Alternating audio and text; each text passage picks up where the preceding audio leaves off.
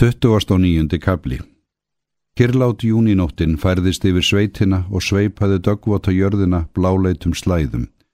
Svæfandi niður lækja og linda vakti í lofti, hafið blundaði í ró. Himinin var heiður, fölrauður í vestri eins og bliknuð lauf en dimblár úti við sjóndeldarhingin í austri.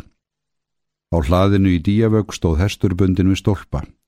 Hann hafði staðið þarna lengi og var farin að verða óþólunmóður að býða. Dögfalli var mikið og dróparnir glóðu á honum, hann kunni vætunu ítla og neggjaði hátt öðru kóru.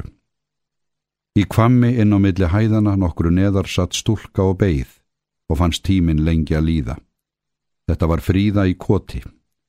Hún hefði setið þarna nótt eftir nótt og beði þess að dyrnar í díavög líkjust upp og Ragnar Samuelsen riði heimáleið. Hún hafði ekki hugmyndum hvers vegna hún gerði þetta reyndi aldrei að stöðva hann eða ná tala af honum, satt harna bara og beigð þanga til hún sá hann ríða úr hlaði, þá gekk hún heim í hægðum sínum og fór í háttin. Þessa nótt bar svo við að maður kom að henni þar sem hún satt harn og beigð.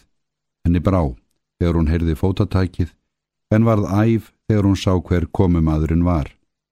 Hvað er þú að gera hér? reytti hún út úr sér. Sam og þú, svaraði Gissur Halldórsson. Bæði erum við sett hjá og horfum upp á aðra reppa það sem við vildum hljóta. Er það ekki þess vegna sem þú kemur hingað á hverju nóttu? Hann var einkennilega rólegur í máli eins og roskin og reyndur maður væri að tala. Á hverju nóttu? Hefur þú séð til mín? Hún starða á hann hattursaugum. Já, ég hef séð til þín og nú finnst mér komin tími til að hætta þessu. Jæja, finnst þér það? Já þér ferst. Sett hjá. Ekki er þú settur hjá. Það er sagt að þú hafi fengið fleiri þúsundir frá þessum englendingum. Jæja, jú, það munarum minna. Penningarnir þeir kom okkur á góðum nótum þegar við förum að búa. Það var sama róseminn og alvarin í röddinni og hann starði í áttina til bæjar. Við, stamaði hún loksins út úr sér. Við. Hún gretti sig háðslega. Já, við. Það er ráðlegast fyrir þig að hætta þugsum Ragnar. Hann er ekki þess verður að þú verslist upp af sorg vegna hans. Hún þókaði sér að honum, reys upp á hnjén og kvesti á hann augun sem voru dimm af heift. Hún var orðin grá á guggin en samt heitlandi fögur, ári svart og rokkið og brúnirnar tinnu dökkar. Varir hennar sem nú hertust í grettu voru rjóðar og þrýstnar. En Gísuri Haldósinni hafði aldrei fundist hún lagleg og síst nú Hann kendi aðeins í brjóstum leiksistur sína. Getur þú ekki gert neitt þarvaragísur en koma hinga til að kvelja mig, bölvaður fandurinn þinn. Þú hefur alltaf hata mig og hrjáð. Hvort hann sé þess verður? Og jú, og þó meira væri, aldrei verður þú annað en lúsablesi og kurfur í samanbyrði við hann. Þú hefur hort upp á það eins og hverunur hengilmæna að hann tæki frá þér stúlkunum sem þú varst að hugsa um. Já, veistu hvers hann væri verður, þess sem þú hefðir geta látið honum í tje ef nokkur dugur væri í þér. En hverjum ætli detti huga þú þorir það? Þú er alltaf heigull verið. Það vottaði fyrir brosi og vörum gissurar. Hann var þreytulegur og svip. Ó já, þú hefur rétt fyrir þér fríða. Ég þorði það ekki. Ég vildi ekki heldur fólkinu mínu svo illt. En hvað eftir annað satt ég hér fyrir honum í myrkrinu í vetur. Ég let aldrei til skarar skrýða. Ég komst ekki lengra en gera hann einu sinni svoli til hrættan og það var lítil hugunni því. En við erum nú ekki enn skildir að skiptum. Það kynna vera að ég gæti einhver tíma jafnað um hann á annan hátt og þú átt að hjálpa mér fríða. Þú átt líka nokkurs að hefna. En hvað þú hatar hann, sað hún stillilega. Hofsinn var horfin úr svip hennar og hún horfi íhugandi á gissur. Ég átti nú bara við að þú hefur átt að lumbra á honum. Hat hann, endur tók Gissur sinnlega. Ég sverð þess stýra neyð að ég skal formæla honum meðan ég lifi. En hann skal líka fá að kenna því. Ég skal auðmíkja hann eins og móður hans auðmíkti föður minn og hann auðmíkti gunnu sýstur mína og þig. Hann kisti mig og sagði að ég væri indisleg, tautaði fríða. Hann beit mér í vöruna, svona. Hún lagði allt í einu hendurnar um hálsin á honum og þrýsti munninum að vörum hans. Það sem Gissur skinjaði næst var snöggur sársauki í vörinni, hann greip utan um stúlkuna og kreisti hana til að stilla sig um að hljóða.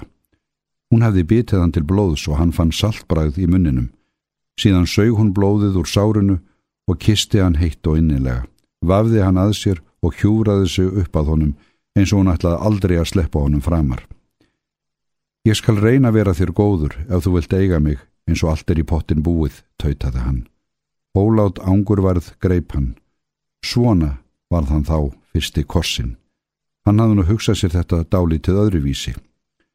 Þau heyrðu hóvatak í næturkyrðinni en þá fól hún höfuð sitt við brjóst hans og vildi ekki líti upp.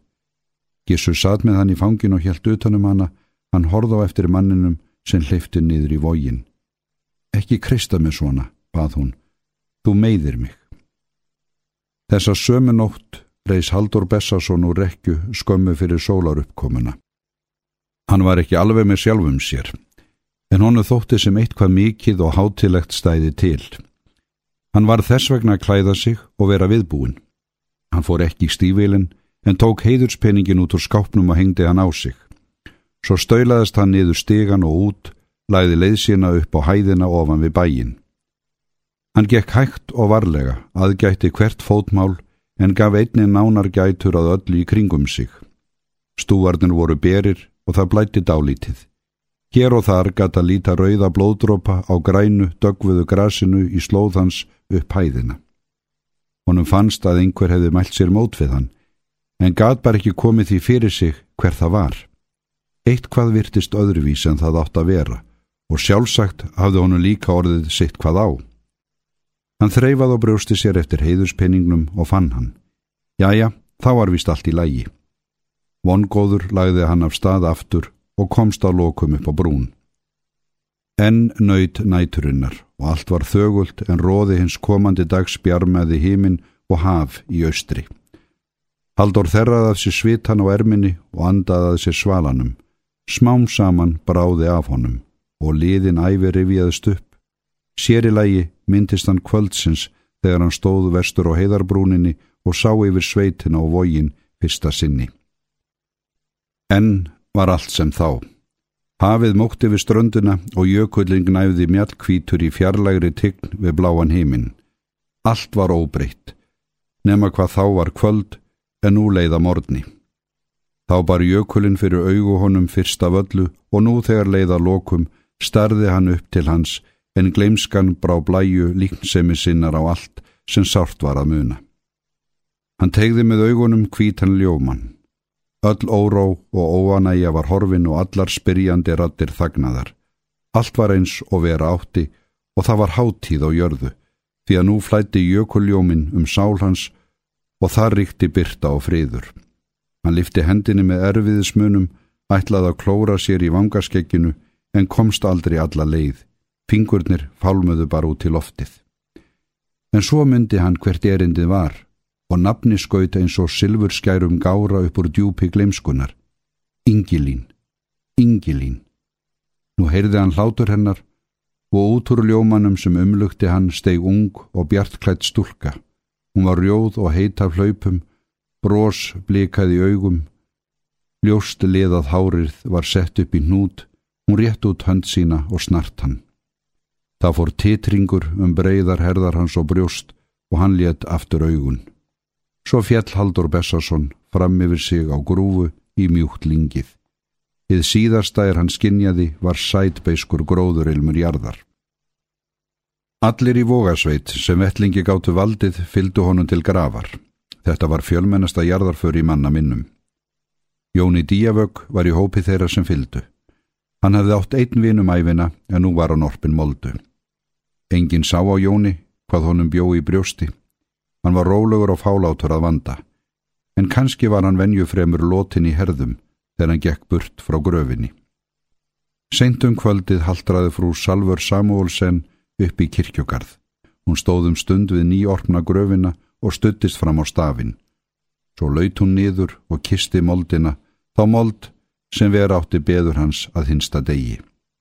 Árum saman hafði hún verið án friðar, nú var hún búin að öðlast hann, djúpan og væran frið eins og kyrðina sem hann var til horfin. Nú var hatrið kulnað, hemdarþorstin slögtur, gravar kyrðin tekin við. Fús tæki hún á sig byrði þeirra refsingar sem lífið legði henn á herðar. Glöð fyldi hún manni sínum til framandi lands. Aldurinn færði stóðum yfir hana, spölurinn hlaut að fara stittast.